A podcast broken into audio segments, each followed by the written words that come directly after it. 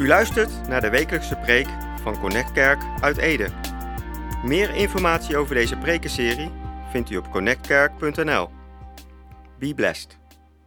Nice. Hey, als je een Bijbel bij je hebt, wil je dan met mij eh, opzoeken. Efeze, hoofdstuk 3. Gaan we samen lezen. Het verschijnt hier ook achter me op de beamer. Neem een slokje water eventjes.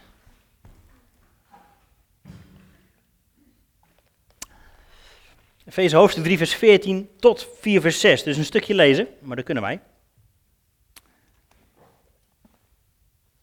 Paulus schrijft daar het volgende vanaf vers 14. Om deze reden buig ik mijn knieën voor de Vader van onze Heer Jezus Christus, naar wie elk geslacht in de hemel en op aarde genoemd wordt. Opdat hij u geeft naar de, rijkdom van zijn heerlijkheid, met kracht gesterkt te worden door zijn geest in de innerlijke mens. Opdat Christus door het geloof in uw harten woont en u in de liefde geworteld en gefundeerd bent. Opdat u ten volle zou kunnen begrijpen met alle heiligen wat de breedte en lengte en diepte en hoogte is en u de liefde van Christus zou kennen, die de kennis te boven gaat. Opdat u vervuld zou worden tot heel de volheid van God.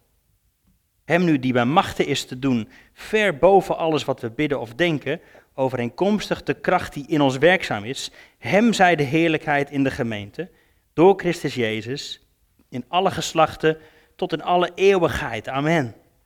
Zo roep ik, gaat hij verder in hoofdstuk 4, maar die hoofdstukken had hij niet verzonnen. Zo roep ik de gevangenen in de Here u op tot een wandel die de roeping waarmee u geroepen bent waardig is. In alle nederigheid en zachtmoedigheid, met geduld, door elkaar in de liefde te, te verdragen en u te beijveren om de eenheid van de geest te bewaren door de band van de vrede. Eén lichaam en één geest, zoals u ook geroepen bent tot één hoop van uw roeping. Eén Heer, één geloof, één doop, één God en Vader van allen, die boven alle en door alle en in u alle is. Even tot zover. Samen bidden.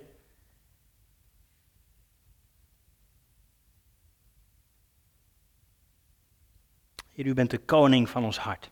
Dat hebben we net uitgezongen. The king of my heart. U bent de koning van mijn hart. Nog een keer zeggen, niet ik, niet mijn angsten, niet mijn schuld, niet mijn twijfel, niet mijn pijn, maar u bent de koning van mijn hart. U bent de koning van ons, zoals we hier zitten. En willen bidden met wat Jezus bad. Uw koninkrijk komen uw wil geschieden. Zoals in de hemel, zo ook hier op aarde, zo ook hier in mijn hart. Wat we vandaag meemaken, wat we vandaag, over hebben, waar we over nadenken, Jezus, laat het bijdragen aan het, het komen van uw koninkrijk in ons hart, zodat we steeds meer op u gaan lijken. Steeds meer van u gaan houden, steeds meer u gaan reflecteren deze wereld in. Heilige Geest, u bent welkom om ons te leiden naar de troon van de Vader. Amen. Amen. Hey, vorige week was uh, Connect Camp. Dat was een heerlijke tijd voor de mensen die erbij waren. Uh, super warm natuurlijk, dat sowieso, maar ook gewoon een heerlijke tijd van elkaar ontmoeten, van je tentje opzetten, van samen eten, samen verbranden, samen eiken, processie, rups, bultjes wegkrabben. Ik heb ze op een heleboel plekken die ik je zal besparen. Maar uh, ja, het was, het was gewoon een, een, mooie tijd. Dat doen we heel bewust. We willen investeren in relaties met elkaar. En ik wil zeggen, of je er nou bij was of niet, je hoort er gewoon nog steeds bij, natuurlijk. Weet je, het is niet, oh, ik heb dat gebist, nu ben ik buiten gesloten. Dat is niet het hart van Connect Kerk. Want ons hart is altijd, jij hoort erbij. Jij bent welkom thuis. We vinden het tof om jou te zien, om jou te leren kennen. Daar willen we in investeren. Daar doen we ons best voor. En uh, nou, dat was ook op dat weekend een heleboel nieuwe gezichten gezien, een heleboel nieuwe namen en gezichten en mensen leren kennen. En uh, ja, super tof. En ik stond s'avonds uh, om een uur of één, het was nog licht zelfs, heel bizar was dat, hè, die langste nacht, 21 juni, mooie lucht.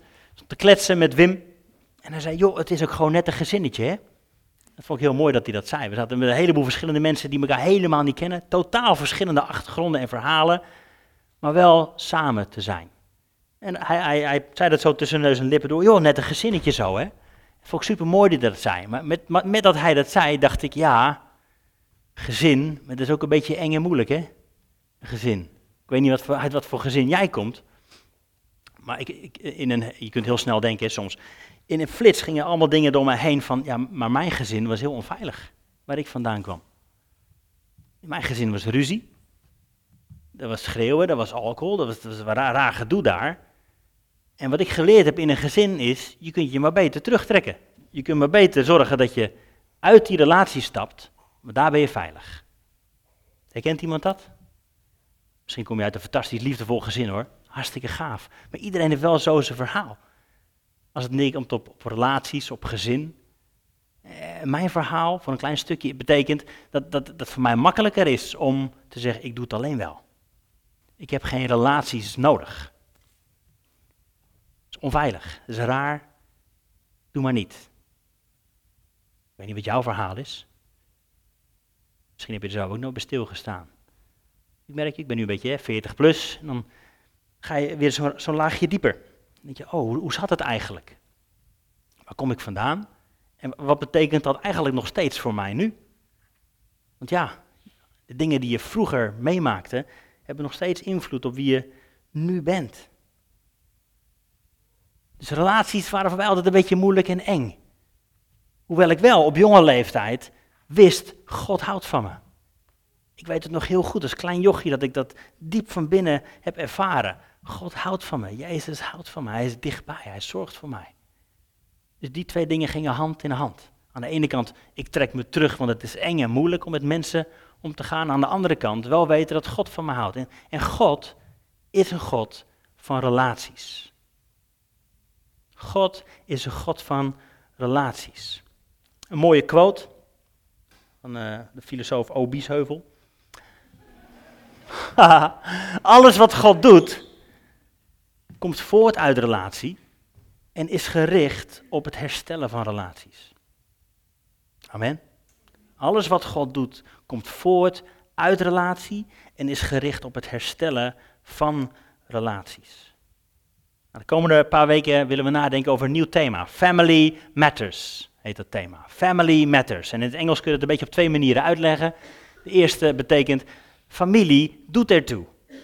Family Matters. Familie, het doet ertoe. Gezinnen doen ertoe. Dat is de eerste uitleg. En de andere is familiezaken. Alles wat maar met familie te maken heeft. Alles wat maar met gezin te maken heeft. En vandaag is een beetje de, de kick-off van dat thema. Een inleiding. En familie en gezin heeft dus niet alleen te maken met, met getrouwd zijn of niet getrouwd zijn. Met verliefd zijn of niet verliefd zijn. Gescheiden zijn of single zijn. Iedereen heeft relaties. Iedereen maakt deel uit van een groep of van een gezin waar je vandaan komt, of van een vriendengroep of van een gemeente. Maakt niet uit. Iedereen heeft te maken met relaties. En alles wat God doet komt voort uit relatie en is gericht op het herstellen van relaties. Misschien het plaatje laten zien van uh, de drie-eenheid, zo noemen we het maar eventjes bij gebrek aan een beter woord, van wie God is. God is, weten wij, een drie-enig God. Drie personen onafhankelijk van elkaar, maar wel in relatie met elkaar, samen één persoon zijn. God zijn. Vader, Zoon en Heilige Geest. De Vader is niet hetzelfde als de Zoon. Maar wij zijn wel allebei God. De Zoon is niet dezelfde als de Heilige Geest, maar allebei God. En dit is de liefdesrelatie die God is. Alles wat God doet, komt voort uit deze liefdevolle relatie. Ze kiezen ervoor om elkaar te dienen, om elkaar lief te hebben, om elkaar te zoeken, om elkaars hart te reflecteren. Dat zie je door de hele Bijbel heen gebeuren. De Heilige Geest die komt om het werk van Jezus te doen. Jezus die gekomen is om het werk van de Vader te doen. De Vader die de Heilige Geest zendt. Alles komt voort uit deze liefdevolle relatie. Dit is wie God is. En op die manier zei hij ook, laat ons mensen maken. Naar ons beeld. Dat was Gods hart. En op die manier heeft hij de mens gemaakt. Hij blies zijn, hij blies zijn geest erin en we werden een levende ziel. We werden gemaakt als beelddragers. Laat ons mensen maken naar ons beeld, zegt God. En dat betekent, we zijn beelddragers van God zelf. Een paar jaar geleden hebben we het daar heel lang over gehad. We zijn koninklijke priesters. Dat is hoe God ons hier geplant heeft, in de tuin gezet heeft, op aarde gezet heeft. Gemaakt om te regeren met Hem. Op zijn manier, op zijn wijze, als beelddragers van Hem. En zelfs toen we er een zooitje van maakten, zelfs bij de zondeval, toen wij als het ware die relatie hebben doorgesneden, kwam God naar Adam toe en zei: Adam, waar ben je? Ik weet niet hoe jij die stem wel eens hebt gehoord, maar je kunt hem horen als een hele beschuldigende stem. Toch? Adam, waar ben je? Dat God zo de tuin in komt lopen van je hebt, je hebt er een zooitje van gemaakt. Waar ben je nou? Kom hier. Nee, Adam, waar ben je? God is uit op het herstel van die relatie, meteen al. Adam, waar ben je? En wat ook zo mooi is, is dat God dan niet denkt, mislukt, ik doe het nou zelf wel. Nee, God zoekt altijd mensen om in relatie met mensen zijn plan te volvoeren. Dus midden in die ellende koos hij Abraham, koos hij een man, koos hij een, gezin, koos hij een familie om opnieuw zijn plan door te laten gaan. God zocht relatie en hij was erop uit om de relaties te herstellen. Ik zegen jou, Abraham, opdat door jou heen alle volken gezegend zullen worden. Paar eeuwen later zien we hetzelfde met Jezus. Jezus kwam, werd geboren. En toen hij zijn bediening begon, zocht hij mensen. Zocht hij ongekwalificeerde mensen. Mensen die er eigenlijk niet meer bij horen. En hij liep, liep naar een stelletje vissers toe. En hij riep, kom, volg mij. Hij zocht opnieuw relatie. Twaalf mensen om zich heen. En die twaalf mensen zouden misschien elkaar nooit hebben uitgekozen. Hè? Ik zei al, er zaten vissers bij, maar er zaten ook belastinginners bij die de vissers belastinggeld afhandig maakten. En die moesten samen met Jezus optrekken. Jezus kiest mensen uit, zoekt relatie, herstelt relaties. Jezus leert ons om God als papa aan te spreken. Abba, vader. Jezus bad voor ons, vader, maak hen één. Net zoals wij samen één zijn. Net zoals wij samen één zijn. Laat hen op die manier ook één zijn. God is altijd uit op het herstellen van relaties, op eenheid, op liefde. Paulus beschrijft later de kerk als een, een lichaam. Heel veel verschillende leden, maar één lichaam. Hoeft niet allemaal hetzelfde te zijn, gelukkig. Maar wel één lichaam. Eenheid in verscheidenheid. En dan misschien de meest mooie uitdrukking is, is dat wel dat, dat de kerk bedoeld is als bruid voor Christus, voor de bruidegom die Jezus is. Hoe intiem kan het afgeschilderd worden? Kortom, we zijn gemaakt om in relatie te leven met elkaar. Wij zijn gemaakt om, om te leven als gezin, als broers en zussen, om, om in liefde met elkaar te leven. En zou het niet fantastisch zijn als de kerk ook op die manier bekend gaat staan? Als we gaan doen waar we voor gemaakt zijn. Zou dat niet fantastisch zijn? Dat is Gods doel. En alles wat God doet, komt voort uit deze relatie en is uit op het herstellen van relaties. Maar de vijand weet het ook. De vijand weet het ook. Dat zagen we al, dat hij in de tuin kwam met een leugen, een halve waarheid misschien, om ons af te leiden van het leven in relatie met God. En we zien dat toen die relatie verbroken werd, dat ook alle andere relaties daaronder te lijden hadden. En dat zien we nog steeds gebeuren. De vijand is erop uit om te roven, te stelen, te vernietigen. En dat zien we gebeuren. Gezinnen, huwelijken, vriendschappen. Alles ligt onder vuur. Alles ligt onder vuur. Je kunt de cijfers erbij halen als het gaat over gebroken gezinnen. Ik las wat dingetjes. Elk jaar krijgen 53.000 kinderen te maken met een breuk tussen hun ouders. Dat is nogal wat. Ik kom ook uit zo'n gebroken gezin waar het, ik denk achteraf gezien, maar beter was dat er uiteindelijk een scheiding komt. Want zo is het soms ook, hè. Helaas. Maar dat zijn dingen die je wel aan nadenken zetten, want alle kinderen die zo'n scheiding meemaken, krijgen zelf natuurlijk ook wat van mee. En je ziet dat de scheidingspercentages bij zulke kinderen, noem ik het maar eventjes, daar hoor ik zelf ook bij, die scheidingspercentages nog weer wat hoger liggen. Want ze hebben geleerd om zich terug te trekken uit de relatie, om zich nooit echt helemaal te geven. Om vooral te wantrouwen. Eenzaamheid. Dat is ook iets wat we zien gebeuren. Dus de vijand weet dat, dat God uit is op relaties, dat het zijn hart is, zijn droom is, daar gaan we voor. Maar de vijand komt om te roven, te stelen en te vernietigen. Dus gebroken gezin is, is één, één ding. Eenzaamheid. Meer dan 40% van de Nederlanders geeft aan wel eens eenzaam te zijn. 40 procent. is nogal wat. Misschien herken je jezelf er wel in. Emotioneel, sociaal, matig of ernstig, in, in, wat voor gradatie dan ook. Heel veel mensen kennen eenzaamheid in hun leven. En misschien maken ze volop deel uit van een gezin, van vriendengroepen, noem maar op. Nog steeds is daar toch ergens dat ik sta er echt alleen voor.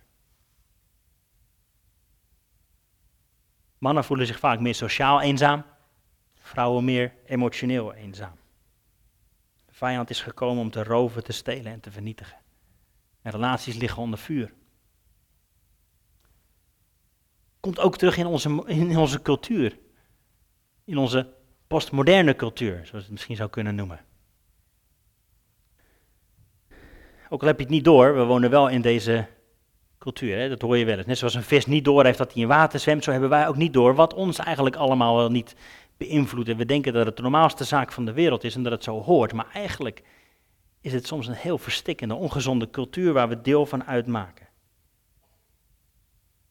Soms denken we dat we in een christelijke cultuur leven. Maar als je dan vraagt aan Wilders, hey, noem dan eens een voorbeeld van een christelijke waarde, zegt hij, ja, uh, eigen land eerst. Is dat onze christelijke waarde? Is dat, is dat wat het betekent? Maar soms is het zo afgevlakt. Maar de cultuur waarin we leven, het postmodernisme, heeft een, een hele bazaal wantrouwen tegen de waarheid. Er is zoiets als, nou, dat bestaat eigenlijk niet. Het is jouw waarheid, maar ja, dat is niet per se de waarheid. Fake news, fake truth. We worden van ons stuk gebracht als er geen vastigheden meer zijn.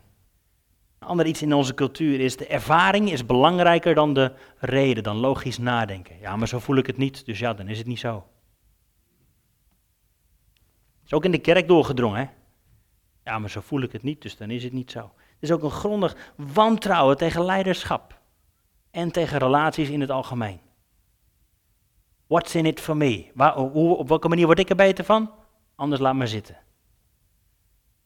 Ik kies voor mezelf. Als ik het niet doe voor mezelf, dan doet niemand het voor mij. Hè? Dus ik moet voor mezelf kiezen. Wantrouwen tegen leiderschap in het algemeen. En relaties. Sterk individualisme. Dus dat is de situatie waar we in leven. Gebroken gezinnen, gebroken relaties. Een wantrouwen tegen vriendschappen, wantrouwen tegen anderen. Sterk individualisme, eenzaamheid. Dat is de, de plek waar we nu in leven. Of we nou in de kerk zitten of niet niet alleen in de wereld zo, helaas. We zien al die cijfers ook terugkomen in de kerk. Ontsnappen er niet aan. Dat is de waarheid waar we nu in staan. Terwijl Gods hart is leven in relatie. Gods hart is, misschien kunnen we dat nog laten zien, wat we net lazen, uh, vanaf vers 4, of eh, hoofdstuk 4, sorry. Waar Paulus dit zegt. Zo roep ik, ik ben een gevangene in de Heer, maar ik roep u, roep, roep u op, zo moeilijk, tot een wandel die de roeping waarmee u geroepen bent waardig is. Hij roept ons op. Hij zegt, want, want je bent geroepen tot een nieuw leven. Je bent gemaakt en ontworpen op het moment dat je zegt, u bent de koning van mijn hart. Ben je als het ware opnieuw gedesigned, opnieuw geplant in zijn nieuwe koninkrijk. Je hebt een nieuw ontwerp gekregen. Er is een nieuwe waarheid voor jouw leven. Ga daar nu in wandelen. Er is een nieuwe waarheid voor jouw leven. En wandel daar dan in. Een wandel die de roeping waarmee u geroepen bent waardig is. In alle nederigheid en zachtmoedigheid, met geduld door elkaar in liefde te verdragen. En u te beijveren om de eenheid van de geest te bewaren door de band van de vrede. Er staat nogal wat, hé. Hier zijn jij en ik voor gemaakt. En je kunt het op twee manieren lezen, denk ik. Je kunt het lezen op de manier dat je zegt, ja, maar dat lukt mij nooit, dat kan ik niet. Ik heb daarin gefaald, anderen hebben op die manier naar mij gefaald. Dat is één manier van lezen. De andere manier is, oh, ben ik daarvoor bedoeld? Ben ik daarvoor ontworpen? En als je daarvoor ontworpen bent, dan kun je dat dus ook. Je moet misschien wel een beetje leren, met vallen en opstaan. Maar dan kun je dat dus wel, want daar ben je voor gemaakt. Daar ben je voor gemaakt. Misschien een beetje met. Vroeger hadden we van die computerspelletjes, van die, uh, van die Nintendo-dingetjes. Zo'n spelletje is ervoor gemaakt dat jij hem kunt uitspelen. Ja, de eerste 83 keer ga je natuurlijk af bij level 1, maar je kunt hem uitspelen, want hij is ervoor gemaakt. Dat geldt ook voor dit leven, het nieuwe leven in Christus, waar jij en ik voor geroepen zijn. We zijn ervoor gemaakt om dat uit te leven. Daar zijn we voor ontworpen. Om in alle nederigheid en zachtmoedigheid, met geduld, elkaar in liefde te verdragen. Dat is onze, tussen aanhalingstekens, opdracht, ons mandaat, ons ontwerp. Is om in nederigheid en zachtmoedigheid, met geduld, elkaar in liefde te verdragen. En om ons te beijveren om de eenheid van de geest te bewaren door de band van de vrede. We zijn één lichaam, er is één geest. We zijn geroepen tot één hoop van uw roeping. één Heer, één geloof, één doop. Oftewel, we zijn geroepen voor eenheid. We zijn gemaakt voor eenheid, voor onderlinge liefde, voor relaties die hersteld zijn. En nou weet ik, ik heb echt een, ik, hoop dat je mijn hart hier doorheen hoort. Hè? Ik ben zelf een kind van gescheiden ouders en soms weet ik dat dat de beste keuze is. Dus hoor alsjeblieft mijn hart dat er geen veroordeling is voor je als je zo'n situatie meegemaakt hebt. Ik hoop dat je dat er doorheen proeft. Gods hart is dat je leeft in gezonde relaties, waarin liefde centraal staat. Net zoals dat bij Hemzelf is, waarin liefde centraal staat. Daar zijn we voor gemaakt. Dus aan de ene kant leven we in deze gebroken samenleving, in gebroken gezinnen, in gebroken mensen. En aan de andere kant is dat Gods hart, Gods doel. Dat we in liefde, in eenheid samen wandelen. Samen Hem reflecteren. Samen koninklijke priesters zijn. Hoe komen we daar dan? Als we gemaakt zijn voor dat ontwerp, hoe, hoe komen we dan van deze gebrokenheid, van deze eenzaamheid, van deze gebroken wereld, hoe komen we dan in die, die werkelijkheid van God? En dan gaan we een paar versen terug. We lazen net het hoofdstuk 4, maar we, we begonnen in hoofdstuk 3. En daar zegt Paulus dit: Om deze reden buig ik mijn knieën voor de Vader van onze Heer Jezus Christus naar wie elk geslacht in de hemel en op aarde genoemd wordt, opdat hij u geeft naar de rijkdom van zijn heerlijkheid, met gekracht gesterkt te worden door zijn geest in de innerlijke mens. Opdat Christus door het geloof in uw harten woont en u in de liefde geworteld en gefundeerd bent. Opdat u ten volle zou kunnen begrijpen met alle heiligen wat de breedte en lengte en diepte en hoogte is. En u de liefde van Christus zou kennen die de kennis te boven gaat, opdat u vervuld zou worden tot heel de volheid van God. Voor mij zit hier een paar mooie sleutels in. Als we dit rustig straks nog een keertje doorlezen, vers voor vers, stukje voor stukje. Dit is hoe God ons wil brengen van onze huidige realiteit naar zijn realiteit. Zoals ergens anders in de Bijbel staat. Hij heeft ons geroepen vanuit de duisternis in het koninkrijk van zijn zoon. Van duisternis naar licht. Hoe komen we van die duisternis naar licht opnieuw en opnieuw en opnieuw? Dat is niet een eenmalig iets. Dat is iets waar we ons moeten, in moeten bekwamen, waarin we telkens weer uitgenodigd worden, waarin we misschien telkens weer een laagje dieper gaan. Hoe komen we daar vandaan? Het begint bij opdat hij u geeft. Vers 16. Opdat hij u geeft. Wat een sleutel. Wat een waarheid. Daar begint alles mee. Het is God die geeft. Het is zijn initiatief. We hoeven het niet zelf te doen, niet zelf te maken, niet zelf goed genoeg te zijn, opdat Hij u geeft. Hij geeft. Grootste valkuil voor mij en ik denk voor iedereen is om, om voor God uit te rennen en het zelf te willen bewerken. Is dat het doel? Dan ga ik nu aan de slag. Terwijl God zegt, nee, nee, nee, opdat Hij u geeft. Want ik wil jou geven. Het is mijn initiatief. Zonder mij, is ons jaarthema, zonder mij kun je niks doen, Johannes 15. Als je niet in mij blijft, kun je niks doen, kun je geen vrucht dragen. En we willen uit alle macht, willen we voor God vrucht dragen. We willen zijn, eh, opdat Hij u geeft. Het is Gods initiatief. Kunnen we dat ontvangen? Als God iets wil geven, kunnen we dat ontvangen? Kunnen we Hem vertrouwen? Vertrouwen dat hij het wil geven. Vertrouwen dat hij iets goeds wil geven. Kunnen we hem vertrouwen dat, dat hij initiatief neemt? Dat hij weet wat we nodig hebben? Daar begint het. Opdat hij u geeft. Volgende stukje dan. Naar de rijkdom van zijn heerlijkheid. God geeft ons naar de rijkdom van zijn heerlijkheid. Niet naar de wijsheid van deze wereld. Niet de manier waarop wij het verwachten. God geeft ons vanuit zijn heerlijkheid. En soms zijn het hele onverwachte manieren waarop hij onze gebeden wil beantwoorden. Maar God is rijk in heerlijkheid. God is bij machten zoveel meer te doen. Hij wil geven vanuit zijn heerlijkheid. Er is overvloed in zijn nabijheid. Opdat hij u geeft naar de rijkdom van zijn heerlijkheid. Volgende stukje dan. Met kracht gesterkt te worden door zijn geest in de innerlijke mens. Dat is wat hij wil doen in jou en in mijn leven. Ons met kracht sterken door zijn geest in onze innerlijke mens. Ons vorige thema was dynamisch, over de kracht van de Heilige Geest. En soms klinkt het misschien een beetje, een beetje vaag of een beetje apart of een beetje ver weg, maar eigenlijk is het een heel diep, heel intiem, heel dichtbij werk wat God in jou en mij wil doen. Ons met kracht sterken door zijn geest. Kunnen we dat? Leren we dat?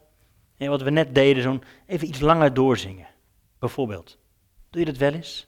Dat is een van de manieren waarop de Heilige Geest jouw gedachten inwisselt voor zijn gedachten. Jouw angst inwisselt voor zijn vrede. Jouw zwakheid inwisselt voor zijn kracht. Dat is wat hij wil doen.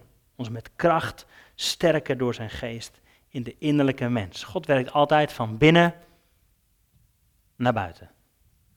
Het begint altijd hier binnen. Ook als je midden in een situatie staat waarvan je denkt, hoe kom ik hier nu in heen? Wilt u alsjeblieft die situatie veranderen? God is altijd eerst aan het werk aan de binnenkant. Jou met kracht te sterken door zijn Heilige Geest. Opdat Christus door het geloof in uw harten woont. Vers 17. Opdat Christus door het geloof in uw harten woont. En dat is zo'n dingetje wat je misschien van kleins af aan al hebt gehoord en beleden. Jezus woont in mijn hartje. Wat betekent dat nou eigenlijk? Wat betekent het nou eigenlijk? Let the king of my heart. Het lied wat we net zongen. Hij, hij woont in ons hart. Niet ver weg.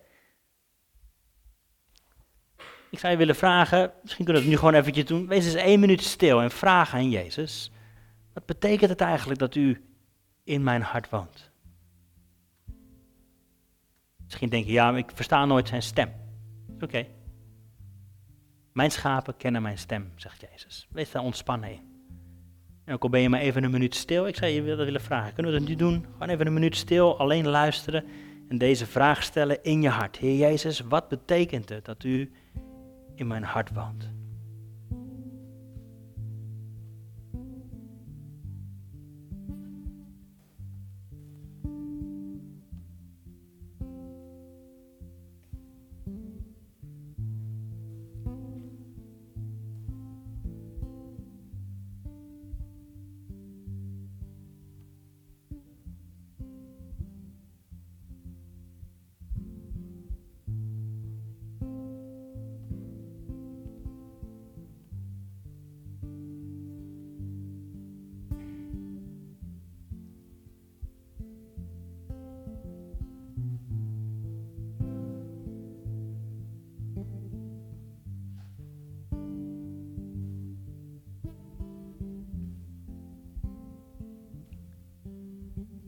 Betekent het dat u in ons hart woont?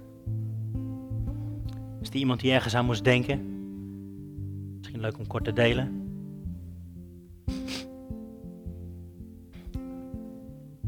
Iemand?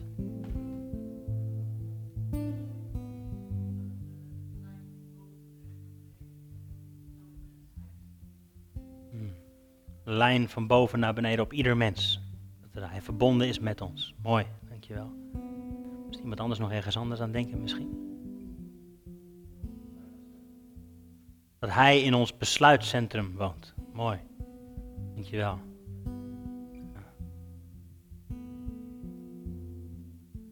Met anders nog iets?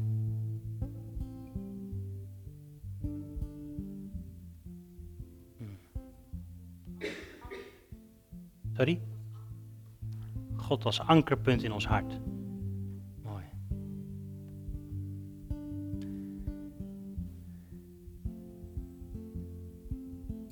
Christus door het geloof in uw harten woont. En dan gaat het verder. En u in de liefde geworteld en gefundeerd bent. In zijn liefde geworteld en gefundeerd zijn. Nou ben ik geen bioloog, helemaal geen verstand van tuinieren, maar ik weet wel dat de grond onder andere bepalend is voor de manier waarop iets groeit. De grond heeft alles te maken met, wordt een plant gezond? Ben jij in de liefde geworteld en gefundeerd? Of, of ben je nog in isolatie gefundeerd of in pijn, in verdriet? Ik hoop dat dit voor jou een tijd mag zijn waarin God die stenen eruit haalt en de grond gezond maakt. Opdat je gefundeerd en geworteld zult zijn in zijn liefde.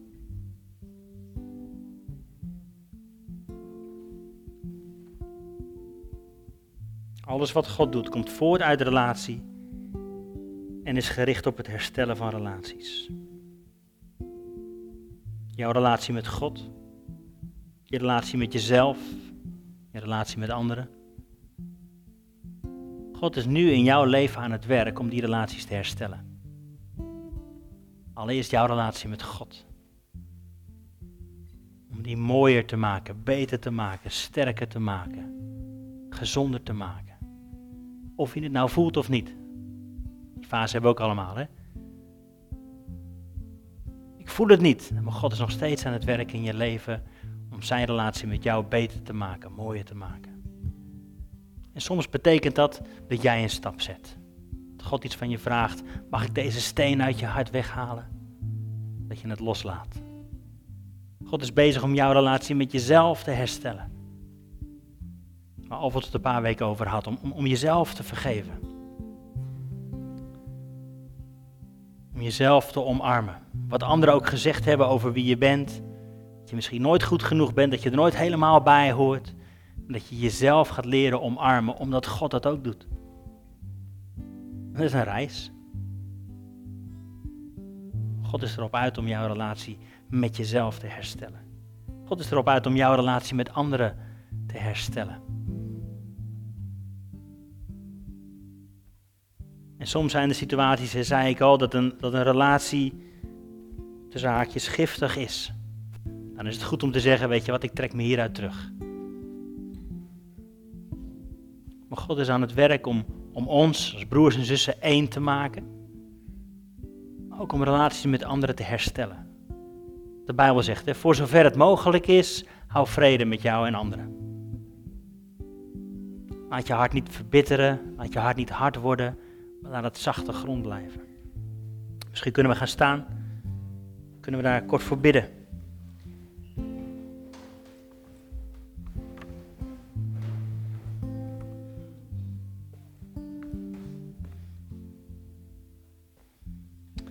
Heer, u bent nog steeds de God van wonderen.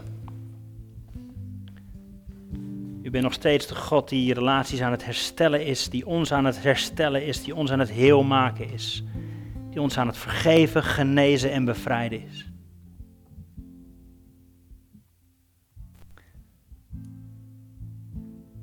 De Heilige Geest, we nodigen u uit om op dit moment ook in ons leven te kijken, om inderdaad Jezus de koning van ons hart te laten zijn. En u weet wat voor ons nu een volgende stap is. Een volgende stap om die relatie hersteld te zien worden.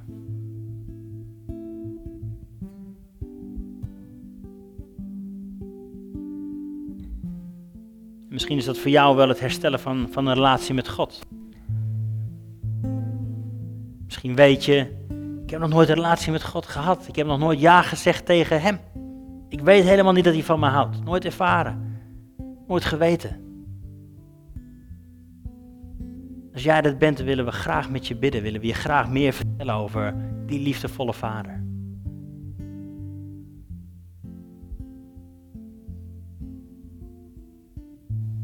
Misschien is dat voor jou wel het herstellen van de relatie met jezelf. Dat je leert omarmen hoe mooi God jou gemaakt heeft. Hoeveel die van je houdt. Dat je andere stemmen uit je leven laat zwijgen, omdat je zijn stem kunt horen.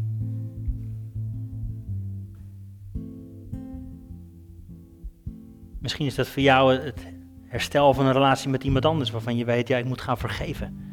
Zoals Jezus mij vergeven heeft, wil ik ook anderen vergeven. Wil ik mijn hart weer heel en open maken en niet laten verbitteren. Waar je ook staat in je reis en we hebben allemaal stappen te zetten. Ik wil graag voor je bidden. Heer Jezus, u ziet ons, u kent ons.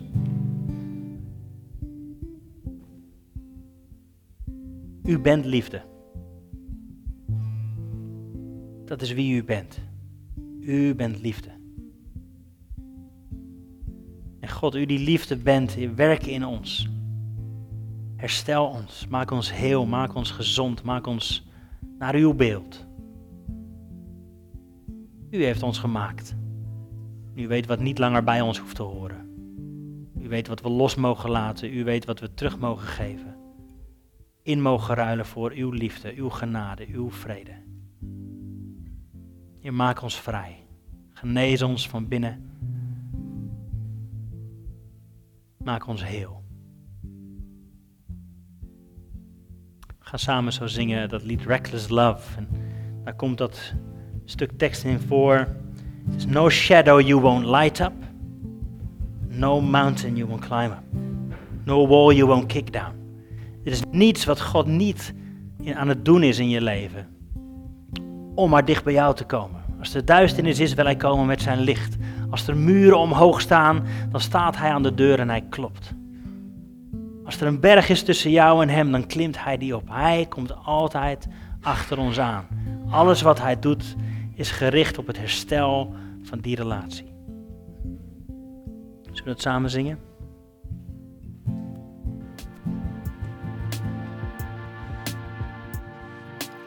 U luisterde naar de wekelijkse preek van Connect Kerk uit Ede.